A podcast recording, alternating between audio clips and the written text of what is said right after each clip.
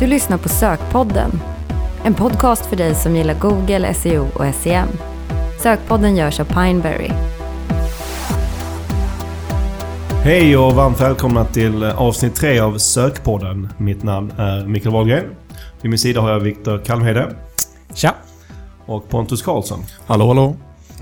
Eh, idag har vi ett fullspäckat schema och dagens tre ämnen är såklart Mobilegeddon. Det kunde vi inte undvika.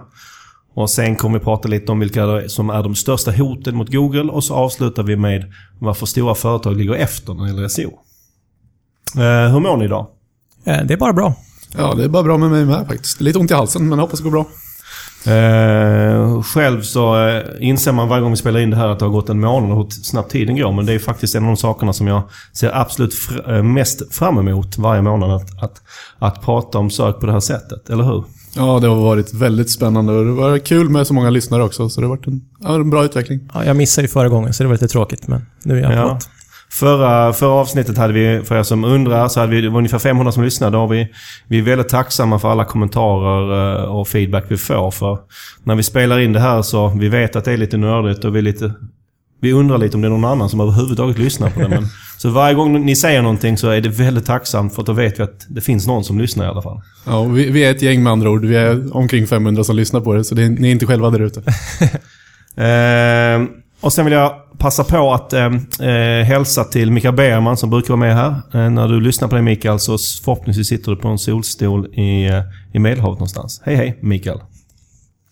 Eh, innan vi kör igång med dagens punkter tänk, har vi funderat här lite att vi ska gå laget runt och eh, ta fram våra bästa citat inom SEO. Kan vi börja med dig Viktor? Ja, mitt favoritcitat, det har jag ju faktiskt vid mitt, eh, min arbetsplats här på Pineberry. Eh, det det jag fick det från Christian Rudolf på Topdog. Och det är “Keep calm and build links”. Och det är lite vad jag tycker SEO handlar om. Att man får sitta lugnt i båten och jobba med länkarna så blir det bra. Perfekt. Och du Pontus, vad är ditt? Ja, jag tycker något som är ganska ironiskt som man brukar säga att den bästa platsen att gömma ett lik är på andra sidan på Google och det är ju en indikator på att ja, trafiken finns på, hämtad på första sidan i mångt och mycket. Eh, ja, det är inte jätteofta man går till andra sidan. Hur ofta gör du det själv? Ja, som när man jobbar med SEO så gör man ju det rätt ofta i förhållandevis till den genomsnittliga sökaren. Så. Jag kommer ihåg på Alta Vistas tid var det lite vanligare. Då fick man gå tillbaka till sidan 3-4 ibland för att hitta det man ville. Men det är inte... Det är en av Googles storheter att man inte behöver gå så långt längre. Och det är kanske på Bing man fortfarande får göra det. Men Ja. annars. Eh, mitt citat är så här, och jag säger det på engelska. Eh, Would I do this if search engines didn't exist? Och det går att läsa i eh, Googles riktlinjer. En av deras grundläggande principer. De säger alltså att när man ska fundera på vad man ska göra med sin sajt så ska man ställa sig kontrollfrågan om jag skulle göra det här om sökmotorer inte fanns. Och det här tycker jag är extremt ironiskt och roligt för att det är klart att man inte kan ställa sig den frågan. Eh, för att om inte sökmotorer fanns så skulle vi knappt göra någonting av det vi gör. Nej. Vi skulle inte fundera på vilka sökord vi skulle ha i titlarna, vi skulle inte fundera på vad meta descriptions och så vidare. Så det är en liten... Det är ett roligt citat men en liten, kanske, jag kan tycka, en liten dum kontrollfråga att ställa sig. Verkligen. Eh, vad bra. Då kör vi igång med dagens ämnen. Eh, och första ämnet är Mobilegeddon. Vi kan väl eh, börja med en liten kort bakgrund. för eh, vad, vad, vad, vad är det egentligen, Mobilegeddon? Vi har ju Ja. pratat om det tidigare här i podden. Det var ju i slutet av februari som Google gick ut med att mobilvänlighet skulle bli en rankingfaktor i det mobila sökresultatet. Och det unika med det här, det var ju att de satte ett datum när det här skulle hända. Och det var nu den 21 april.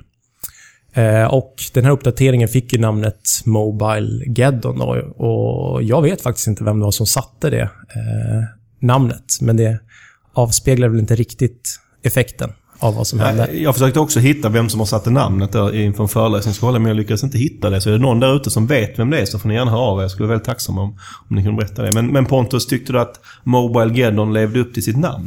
Alltså Mobile Gathering är ganska, ett ganska aggressivt namn på en uppdatering och det kan man väl säga att det levde inte riktigt upp till den kanske förväntningen eller förhoppningen som många i SEO-sfären trodde skulle ske i och med den här uppdateringen. Men det vart en, det vart en viss påverkan, men inte på den nivån som många kanske trodde. Eh, för, för det, det vi kunde konstatera som var lite eh, speciellt när det gäller just det här eh, uppståndelsen var ju att, att vi kunde ju se rubriker på BBC och på, på CNN på alla stora tidningar världen över. Eh, Och jag vet att du, du, det slog dig när du var i Dublin den dagen det hände, eller hur? Ja, precis. Eh, Men det är inte så ofta man sitter och kollar på Bloomberg överhuvudtaget. Men, men jag tittade på Bloomberg när jag var i Dublin den 21 då, när det slog igenom. Och de bara löpte på med den här uppdateringen liksom i, jag tror det var över en timme som de bara pratade om SEO kan man ju kalla det liksom. Och det är väldigt fascinerande att det fick så stor internationell uppståndelse. Jag har aldrig sett så att det vi sysslar med har fått sån uppmärksamhet i andra medier förut. Ja, och det är väldigt kul från vårt håll. Ja, precis. Och, eh, och man kan, vi har pratat om det här lite innan, men det känns ju som att P, Google är ju ganska duktig på, på att göra PR ibland och här har de verkligen lyckats att bygga upp en, en stämning som gör att, att att, sen hade de nog ganska mycket hjälp av namnet Mobile Garden, men, men att de byggde, byggde upp en stämning att det skulle bli en väldigt, väldigt stor grej.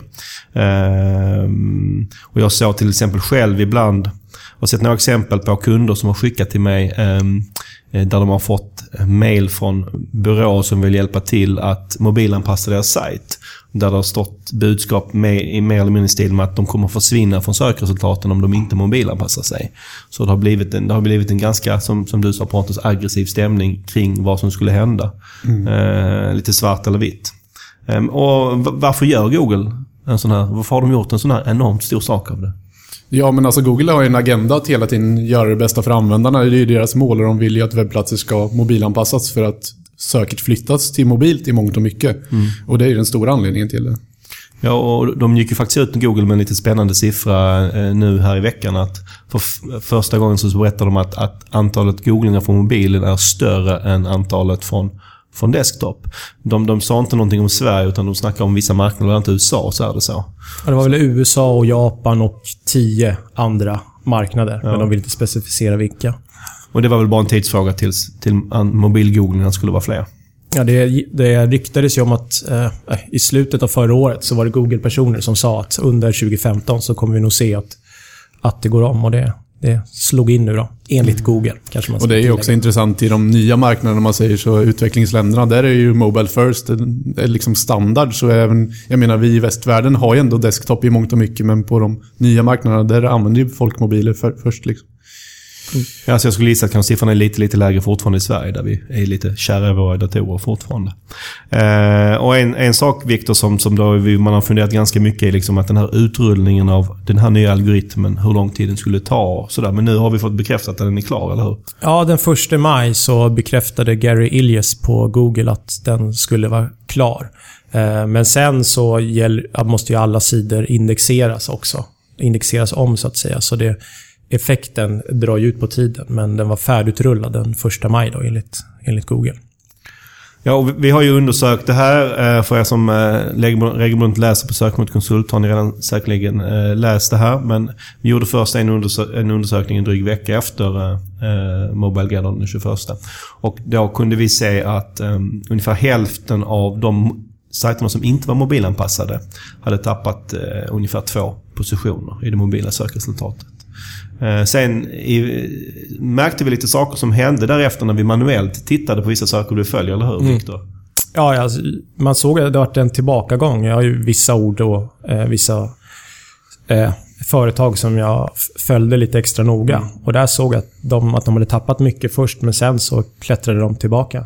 Och jag såg lite motsvarande sak när man kollar på Analytics-datan som också är väldigt intressant. När man aggregerar lite mer data så såg man att i vissa fall när de liksom tappade lite i samband med det här så återtog de ganska fort efteråt också. Vilket indikerar både att sajter som tog och tappar att det jämnades ut lite på, på sikten. Och det gjorde att vi bestämde oss för att köra, göra om vår undersökning och få se om det, hur, om det, om det verkligen var så att det hade dragit sig tillbaka lite. Och det, det verkar det ha gjort, för nu, nu ser vi att det är ungefär en tredjedel då jämfört med hälften. Och i snitt, eller eh, medianvärdet man har tappat är, är en position. Så att det lite mindre. Det är fortfarande så att jag skulle säga att det är en effekt som man kan se, men den är ju inte, den är ju inte så stor som namnet egentligen kanske ger sken av. Nej. Och det finns ju andra undersökningar också. Jag vet e-handel.se, eller e-handel, de har också gjort en undersökning om. Ja, de har ju fördelen att de har aggregerat ganska mycket Analytics-data och gjort en bedömning utifrån det. Och, Man kan säga att den, den indikerar på att det skulle vara en ganska liten förändring, vilket vi kanske ser totalt sett nu också. Mm. Men det är fortfarande en förändring och det intressanta med den är väl också att det är ganska mycket brandtrafik troligtvis som är inräknade i det här. Eh, I och med att all trafik till startsidan i mångt och mycket kommer inte bli påverkad för du tappar ingen position på ditt eget brand. Så det, är viktigt att ta in i den här beräkningen. Så tittar man på sidor med mer generiska sökord så kanske man ser en större påverkan än inte. Ja, vi valde ju då att titta bara på kommersiella, stora sökord som inte, som inte var varumärken. Då. Eller vi tittade separat på varumärken också, men där såg vi ju ingen Nej. förändring alls. Precis. Såklart. Okej, men om vi ska summera Mobile Gathering då. Vad, vilka slutsatser drar vi? Eh, Den fick ju ett, en stor effekt till så vida att eh, den uppmärksammades mycket och eh, många uppdaterade ju sina sidor att de blev mobilvänliga. Eh, Google gick ut med en siffra att det var 4,7% som de hade sett av sajter som hade blivit mobilanvänliga under perioden mars-april fram till uppdateringen. Eh, så där ser vi en, en, en, en effekt. Ja, i annat, i annat fall så var det ju som sagt var ganska marginellt, men det har ju fortfarande en påverkan om du tappar en position inom topp 10 där trafiken skiljer sig ganska mycket från olika positioner. Så det har ju en påverkan, men kanske inte så stor som många förväntade, förhoppade, hoppades på eller liknande. Och, och om man då, det tycker jag alltid är intressant att fråga sig, vem tjänade på det här Mobile? Vem är de stora vinnarna? Ja, vi har ju Google såklart. Eh, vilket sätt då? tjä- tjänar på det. Ja, Google tjänar ju mycket på det ur ett annonseringsperspektiv med tanke på att kan de driva köptrafik till en mer relevant sida så har de lättare att tjäna pengar och deras kunder har lättare att, helt enkelt konvertera i en telefon. Det är ju en viktig faktor i det här som man ska tänka på. Så att Google kanske är nöjda, även om inte det har så stor effekt på sökresultaten så är kanske Google är nöjda ändå med att de har lyckats få upp eh, antalet mobilanpassade sajter med 4,7 procentenheter. Ja, skulle de tjäna 4,7% extra på mobiler så är det ett ganska stort tal totalt sett. Så det är det man måste tänka på. Eh, Sen har vi ju alla webbyråer som har fått jobb nu att mobilanpassa. De är ju stora vinnare på det här också. Ja, jag, har pratat med en del webbyråer och, eh, som bygger eh, we- webbshoppar. De har haft bråda dagar eh, här inför den 21 april. Så det har förhoppningsvis varit en, en, en bra affär för dem. Sen tycker jag också, som vi, som vi pratade om innan, att har varit ganska bra för, för SEO-communityn som helhet. För att, som sagt, det är sällan de pratar en timme om, om SEO på Bloomberg så skriver om det på CNN. Så den typen av uppmärksamhet får vi sällan. Så att ja, även om inte det har haft så stor effekt på sökresultaten så tycker jag att det har varit en bra grej. Och vi som vi konstaterade i, tror var i första podden, att det är kul att det händer någonting. Även om nu kanske inte händer så mycket i sökresultaten. Ja, vi är ju lite action junkies så vi vill ju att det ska hända saker hela tiden. Det är därför man jobbar med det här också, till mångt och mycket.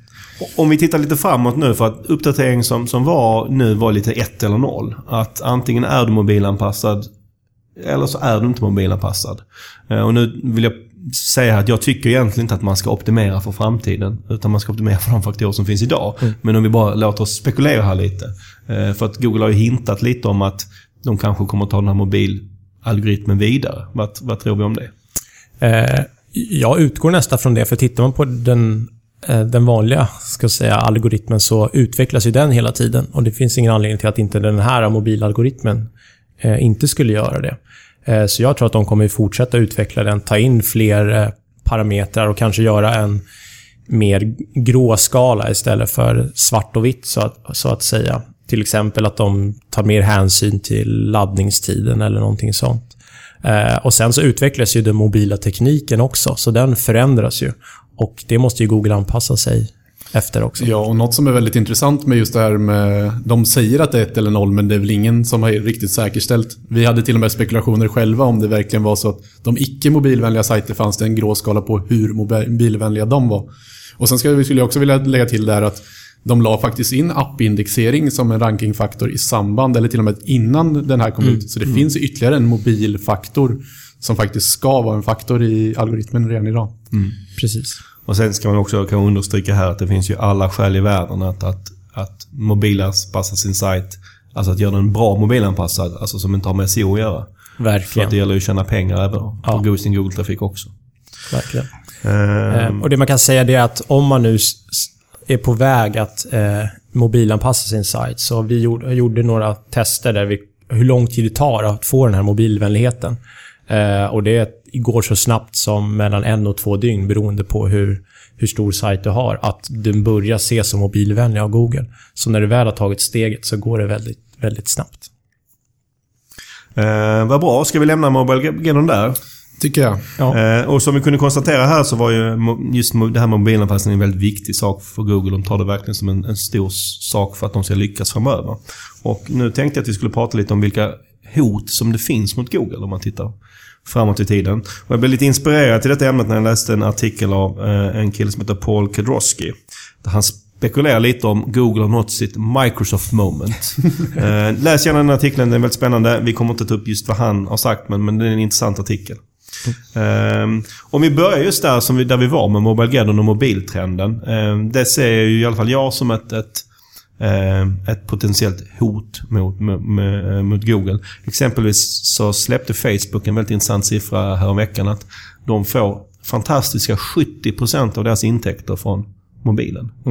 Det är otroligt. Ja, det är väldigt imponerande, men det, in, det indikerar ju också hur mycket användarna använder just Facebook-appen i telefonen i förhållandevis till när man söker så kanske du har ett kortare beteende också än vad du har liksom användarmässigt när du använder en annan app eller liknande.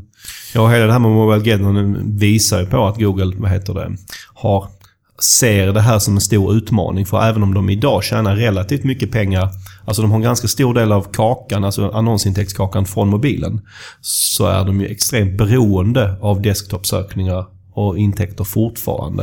Eh, en- och, och Medan Facebook då har en annan grej där de liksom, det är tvärtom, att det är mobilen som är deras stora intäktskälla. Och jag tycker det var ganska desperat, eller man ska kalla det, när Google försöker gå ut och bygga en search-app till exempel också. Liksom, jag tror inte appbeteendet är det som kommer rädda Google, utan det är att vi fortfarande kommer vilja söka efter saker som vi inte kommer hitta, för att de är den bästa sökmotorn som finns fortfarande. Och de lanserar nya mobilprodukter, eller annonsprodukter för mobilen, eh, hela tiden. Så de jobbar ju hårt där. Ja, och de har, äger ju Android, så de har ju en stor marknad där redan.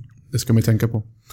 När vi är inne på Facebook så eh, är det också ett, ett, potentiellt hot mot eh, Google som det brukar pratas om. Och då ibland brukar man eh, spekulera om, om Facebook skulle kunna ta över som sökmotor. Kanske inte som en klassisk sökmotor utan att vi som användare slutar googla och börjar använda Facebook istället för att hitta saker. Tror ni att det är ett scenario som kommer att hända? Jag tror inte på det. Det är någonting man, ja, har jag har hört, ja, sen fem, sex år eh, tillbaka. Men jag, jag ser inte att man som användare har det beteendet i Facebook. Man använder det till andra saker helt enkelt. Ja, om jag går till mig själv så vet jag att det inte kommer hända men det är så, det är så pass enkelt för att jag använder inte Facebook så att det blir svårt för Det mig. blir lite lättare för dig. Nej, men det händer ju aldrig att jag söker efter något annat än personer på Facebook. Så det, det, Men, men, men, men en annan tjänst som kan ta över som sökmotor är faktiskt Amazon. Och där har det ju faktiskt hänt redan i USA att Amazon eh, är ju Googles kanske största konkurrent när det gäller sök. Och då har ju själv Google gått ut och sagt, deras ordförande Eric Schmidt har sagt att det är deras största konkurrent på sökmarknaden är Amazon. Och det är lite kontroversiellt för man ser kanske inte Amazon som en sökmotor, snarare som en e-handelsplats. Och det svåra där är väl att det för att Amazon aggregerar så mycket produktdata så äger de så pass mycket data så att de kan bygga en bra databas och en bra sökmotor för just produkter. Och produkter är ju det som Google tjänar mest pengar på. Eh, tror jag i alla fall, jag ska inte svära på det, men jag tror att produktdelen är större än tjänstedelen i sin helhet. Mm. Men, men tror ni att den... Eh, för så, det här är ju faktum i USA att, att, att, att Amazon är kanske den, den största sökkonkurrenten till, till Google. Men, och nu är ju Amazon på intåg i Sverige. Eh, det är väl bara en tidsfråga innan de lanserar, om jag läser rubrikerna rätt. Eh, kan vi se samma utveckling i Sverige, tror vi? Ja, klart de kan ta en, en andel, men det krävs nog ganska mycket för dem att sätta sitt varumärke så att man, besökarna går dit först före Google. Vi, vi har, alltså Google är så satt rent beteendemässigt, så vi får se om de liksom lyckas med den marknadsföringen. Det, Ja, och det tror inte riktigt jag heller. att Det kommer ta lång tid i så fall. Men det intressanta är ju också att Amazon är en av de största AdWords-köparna hos Google också. Så man ska tänka på det att de köper in beteendet också i mångt och mycket. Vilket gör att de kanske inte behöver vara första steget, men det är de som tar köpet. Och då är det fortfarande, kommer de bli en viktig aktör. Det ska bli spännande oavsett. Och när vi är inne på sökmotorer, finns det några andra sökmotorer som finns idag? Mer klassiska sökmotorer då, som vi tror kan utmana Google om, om herraväldet. Eh, om man tittar på USA till exempel så har vi, då har vi redan pratat om i tidigare poddar att Bing och Yahoo har en, en, där har de en viss marknadsandel. Eh, tror vi att de kan på något sätt hota Google? Jag tror de kommer ha svårt att hota Google, men jag tror de kommer vara en intressant aktör i USA fortfarande. Men det är att de måste ju förbättra sin eh, produkt helt enkelt. Sökprodukten. Alltså som eh, vi pratade om i förra podden så är den inte tillräckligt bra idag. Eh, så om de, kan, de måste börja med att få upp den i nivå med Googles. Ja, så man slipper gå till andra sidan på Bing när man ska hitta någonting. Precis. Och sen finns det de här mer specialiserade och lokala sökmotorerna. Lokala eller kanske och, och det låter att de, som, som de är små, för det är de ju inte med Yandex och Baidu i Kina till exempel. För de är ju enormt stora för de har så stora marknader. Men tror ni att de skulle kunna ta över andra marknader där, än de där de är starka idag? Kanske att alltså i, i angränsande geografiska områden, att de Mm. tar marknadsandelar eller tillväxtmarknader där. Men jag tror inte de kan ta sig in eh, i västvärld. Västeuropa eller Ja, precis. Nej. Det tror jag kan bli, bli Nej, svårt. och anledningen till att de här har lyckats så bra det är ju för att Google har problem med att hantera de här typerna av språk. Till exempel ja, det ryska språket och de kinesiska tecknena och så vidare.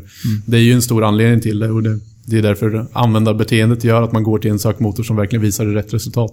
Och det är väl det här vi pratar om med Bing och Google också. Vem ger den bästa produkten?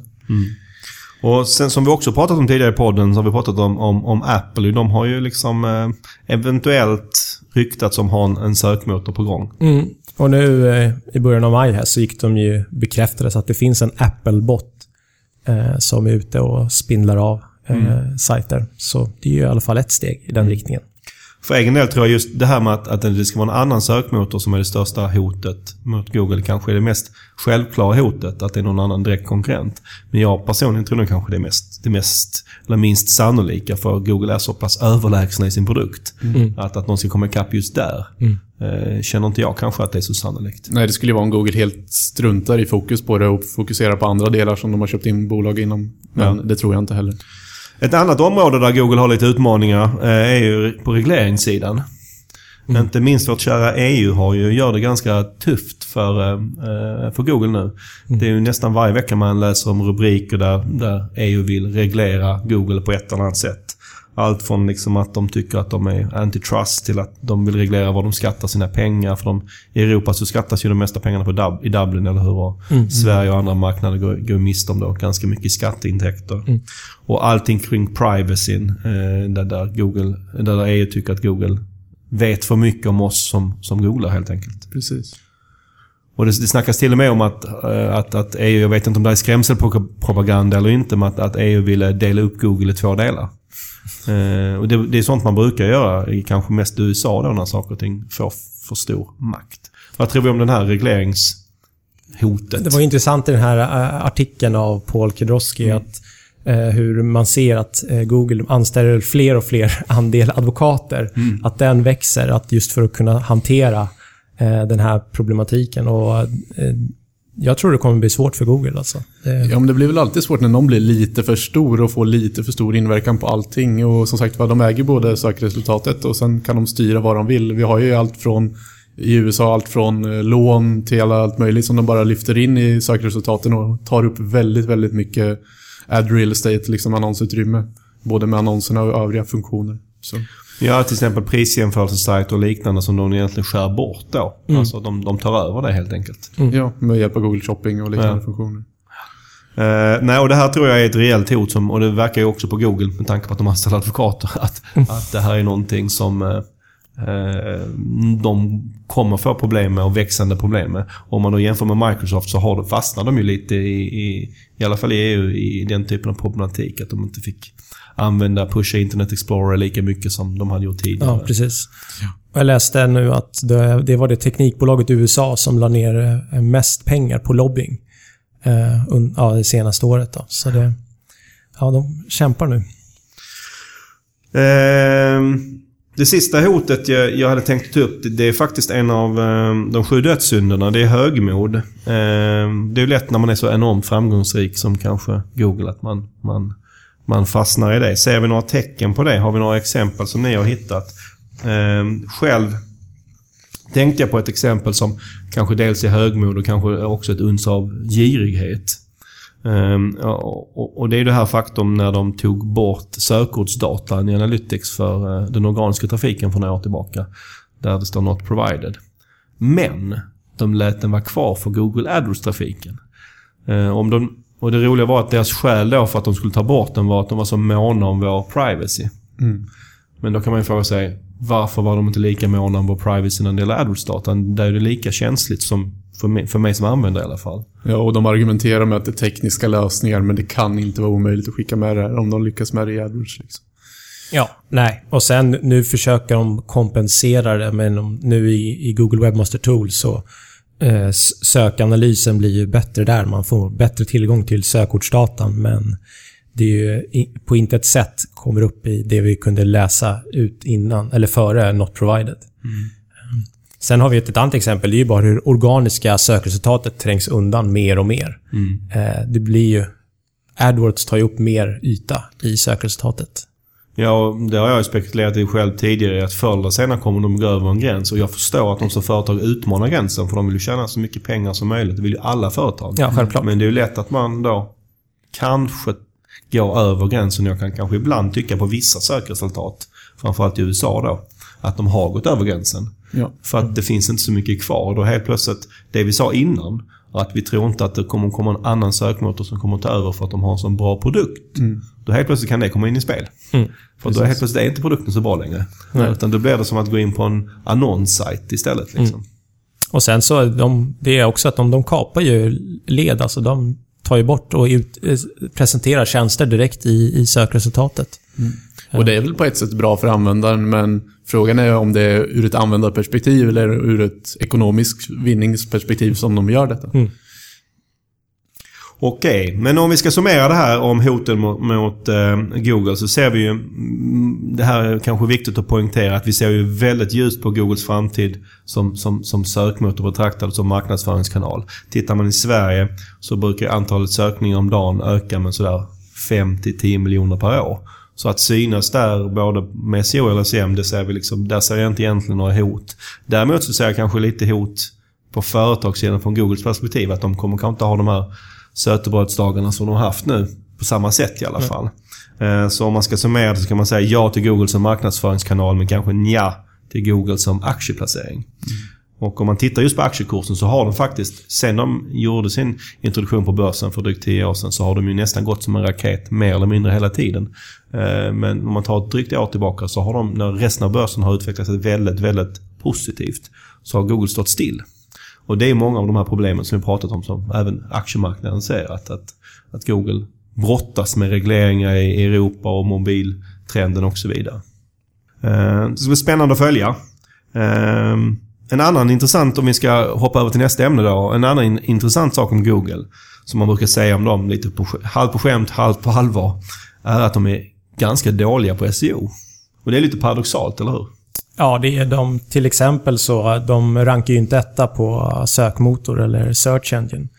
Eh, och när de eh, gör om eh, sina sajter så brukar de inte peka om med 301 till exempel. Så.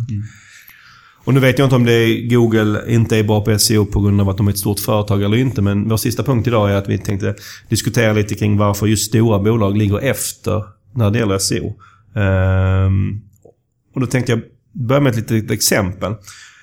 När jag eh, och Magnus Brott släppte vår bok Guldläge på nätet där i början av förra året så gjorde jag en, en, en, ganska stor undersökning av våra fyra storbanker. Um, och då gjorde jag för min del den största sökordsanalys jag har gjort. Jag kom fram till ungefär 3400 sökord som de här bankerna borde synas på. De här bankerna har en enorm fördel att de har en extremt bred produktflora. Så det finns extremt mycket sökord som är intressanta för dem. Och sen tittar vi på om de, hur väl de syntes på de här orden. Och eh, tre av dem rankade inte topp 10 på 90% av dem. Alltså på, bara på 10% av de sökorden syntes de. Och Swedbank som då var bäst, eller minst sämst om man nu ska se på det. De, de eh, syntes inte topp 10 på 70% av sökorden. Och Det här är som ett exempel på att, som vi upplever att generellt sett så är stora bolag lite, de ligger lite efter när det gäller SEO. Och varför är det så? Ja, en viktig faktor som man kan se är ju att de ofta sitter med föråldrad teknik, vilket gör att det är kanske svårt att anpassa och ta sig ur. Ehm, och sen kanske kunskapen är en faktor också. Ja, det är av naturliga skäl. Liksom ett, ett stort bolag som har funnits länge så saknas den här kunskapen hos de eh, anställda. Eh, men vi, vi ser ändå att det finns ett, liksom, ett ökat intresse som vi märker av. Det är många som eh, hör av sig till oss nu och vill att vi ska komma och hålla utbildningar. Så det, det börjar ju eh, komma igång. Men sen så är de, i och med att de är stora, så är det ofta eh, tröga. Eller de, de blir tröga i organisationerna. Eh, och SEO, det är ju sällan det viktigaste de, på agendan när, när de ska göra eh, saker. Och det är väl kanske na naturligt. Eh, men eh, det bör ju inte prioriteras bort helt, så att säga. Eh, och som lite vi ser, det är att det, det finns liksom ingen som eh, äger den här uh, frågan i organisationen och de, det finns en dålig förståelse för potentialen. Vem, vilken roll brukar det vara som äger det? Är det marknadschefen eller det IT-chefen eller? Det brukar inte vara någon som Ingen äger alls, den, nej. men det borde ju vara, vara någon. Mm. Eh, eh, Och det är ofta man får gå in och medla mellan en IT-chef och en marknadschef. För marknadschefen kanske förstår potentialen, men IT-chefen förstår problemen som finns. Och då är det kostnader helt plötsligt som det handlar om. Men det är oftast mindre kostnader än vad många tror. För att det är små saker kan det göra ganska stor skillnad. Och som du berättade där initialt, eller sa om teknik Pontus, så, eh, just när det gäller bankerna så vet jag ju det var ett exempel med SEBs plattform. De höll på att bygga om i under ett par år, men inte helt fel underrättad. Och la ner hundratals miljoner på det, men som de stoppade. För att den hade hunnit bli utdaterad innan de skulle lansera den. Och, och mm, så kan det ju bli om man driver sådana enormt stora projekt, att man inte riktigt hinner med den tekniska utvecklingen. Och det drabbar ju såklart ens SEO också. Verkligen. Nej, och sen en annan anledning till det här är ju att som, som Viktor sa, i mångt och mycket så klarar de sig kanske bra och de behöver inte fokusera på SEO för att de genererar kunder och så vidare på andra sätt. Men jag menar, varför inte ta tillvara på den potential som ändå finns i ett sökbeteende när någon faktiskt aktivt söker efter era produkter? Det är jag lite fascinerad över att de inte riktigt greppat alla än. Nej, det, du har ju en poäng där Pontus. För det är inte så att det går någon stor nöd på våra stora, stora fiberbanker. Det är tvärtom att de blir ofta kritiserade för att de tjänar eh, vad heter det, för mycket pengar. Men när jag gjorde den här undersökningen förut så räknade jag ut eh, att, att de ungefär torskar 2 miljarder per år tillsammans. På att, att de syns så dåligt. Då. Eh, det är ju extremt mycket pengar, men för dem i det här sammanhanget så... Ja, som sagt, de klarar sig ändå. Men sen, det finns ju också undantag, ska vi säga. Det är ju inte alla stora bolag som är dåliga på SEO. Natur är väl det. Ja, eh, och vi, har ju förmånen att jobba, jobba med, eh, med några. Eh, och det är ju, det, det, där har man ju insett att alltså just den här potentialen och att det inte är allt för svårt att få det här implementerat. Och då, eh, då, vår roll som Pontus var inne på, det blir ju att vi, vi, vi någonstans hamnar mellan ledningen, marknad och utveckling och får vara spindeln i nätet och se till att det blir genomfört. I och med att den, den rollen saknas idag hos de här bolagen. Ja, och det vi säger också är ju väldigt intressant att eftersom många av de stora företagen inte hänger med så är ni i ett segment där det är ganska många stora bolag så är det ofta så att man kan få ett försprång mot konkurrenterna också. Vilket jag tycker är väldigt intressant när man pratar med en del, att de inser att vi springer om våra konkurrenter med hjälp av det här bara genom att ta små marknadsandelar här. Alltså det blir en intressant faktor i det här sammanhanget också. Jag, jag, min erfarenhet är också när det gäller stora bolag i SEO är att, att man, i och med att det är stora organisationer som vi pratat om, så måste man, det måste nästan vara förankrat på, på VD-nivå. Att VD måste ha gå- gått in, han, behöver inte jobba, han eller hon behöver inte jobba med det dagligen, men att de måste ha sagt att SEO är viktigt för oss. Så att det blir prioriterat. För det är oftast kanske där det fallerar. Att, att ja, från ett konceptuellt perspektiv kan man förstå att det är bra att synas på Google. Men det finns massa andra saker som de Jo. väljer före. Och det tycker jag ändå är rätt ironiskt hur många beslut tas upp till VD när det gäller en marknadsdel oftast. Jag menar, det, det är lite underligt att det måste förankras. Men jag håller med dig, i många fall så behöver det för- förankras hela vägen upp. Och det är väl bra där med, men Det brukar nästan vara det första jag frågar när jag kommer in i ett sånt projekt. Det är frågar hur är det här förankrat? Kommer det från ledningen? Är de medvetna om vad vi ska, gö- ska göra och har vi mandat från dem? För har man inte det, då blir det, blir det svårt sen. får man kriga lite. Du var lite inne på det Pontus, men eh, eh, om vi nu eh, kan konstatera att stora bolag ligger lite efter. Vem, vem tjänar på det? Ja, Jag skulle säga att det är små och medelstora företag kanske primärt, men, men även affiliates som, är, som bara kapar en mellanhand till de stora aktörerna. För att de stora aktörerna kommer fortfarande anses som bra brands ur andra perspektiv. Så att affiliates kan kliva in och ta positioner på de här termerna. Speciellt i kanske lånesegmentet som är, där det finns extremt mycket pengar att hämta. Som du sa, du har två miljarder. Mm. Fatta bara de affiliatesarna som slåss om de här pengarna där ute. Liksom. Det, det, för affiliates är två miljarder mm. extremt mycket pengar om du sitter som ensam företagare. Mm. Eller om ni är tre, fyra stycken. Jag menar det Ja, det är riktigt imponerande. Så i, i, bank, i bankfallet då så, så är det ju såklart lite mindre finansiella aktörer som, som till exempel lånar ut pengar som, som syns istället och, och även då affiliates till både dem och till de stora bankerna. Så ja. till viss del så kan man ju säga att bankerna gör SEO när de köper trafiken från affiliates. Ja, men mm. eh, kanske då på ett relativt dyrt sätt. För att det är en annan sak som vi inte har pratat om är ju att många av stora företag har ju liksom en förutsättning för att synas på Google som är avundsvärd. Mm. Om man tittar på deras länkar till exempel så har de ju oftast en länkprofil som alla andra bara kan sukta efter. Ja, det är inte många som, som kan sukta efter länkar från riksdag och regering som kanske till och med några av storbankerna har. Så ja. Det är riktigt imponerande på många håll på så sätt. Um, vad bra. Uh, då börjar vi uh, närma oss slutet för dagen. Men uh, dagens podd. Men innan, innan vi eh, avslutar här så tänkte vi eh, slå ett slag för SEO-snack, eller hur? Som nästa SEO-snack är den 28 maj. Torsdagen den 28 maj. Som vanligt här på Soellen på Tulegatan i Stockholm. Men eh, jag tänkte Viktor, du kanske kan berätta lite vad är SEO-snack? Ja, SEO-snack det är någonting vi anordnar varje kvartal. Det brukar vara den sista torsdagen i kvartalet och det är som en en branschträff eller en after work för oss som jobbar inom sök. Alltså både SEO och SEM. Och det är att man träffas och snackar marknadsföring online och kan äta och dricka något gott. Ehm, och eh, man behöver ju inte anmäla sig utan det är bara att dyka upp helt enkelt. Men vi, vi har eh, lagt upp eh, arrangemanget då på, på, på, ett, på Facebook som ett event. Så det kan vara bra om man går in där och eh, förvar eller anmäler sig så vi kan förvarna Suellen så vi vet hur många eh, som kommer. Mm. Det är lite som Sökpodden fast i ett lite större format. Det kan man säga. Och fler som snackar. och eh, Pontus, vad har du med att tillägga? Varför tycker du man ska gå på SEO-snack? Ja, men gillar man den här världen och lyssnar du på den här podden och är intresserad av det här så kommer du träffa många människor som har samma syn på det och det väldigt, kan bli väldigt intressanta och roliga diskussioner på alla möjliga håll. Och, nej, jag tycker det, det, är sjukt roligt.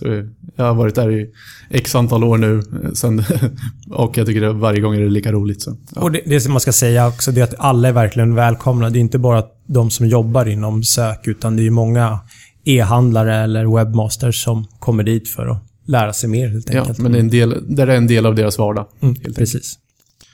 Vad bra, så hoppas jag att vi se, se, får se lite extra många Sökpodden-lyssnare på SEO-snack den 28 helt enkelt. Eh, och som eh, vi inledde med så vi är extremt tacksamma om ni har kommentarer och feedback. Hör gärna av er till oss på Twitter, på sokmotorkonsult. Eller på e-mail eh, sokpodden pineberry.com om du har någonting du tycker vi missar eller tyckte du tyckte att vi sa konstigt idag. Eller no någonting annat du vill berätta för oss. Och eh, så hörs vi igen om en månad, eller hur? Jajamän. Det gör vi. Tack Hej. för idag. Ha det bra.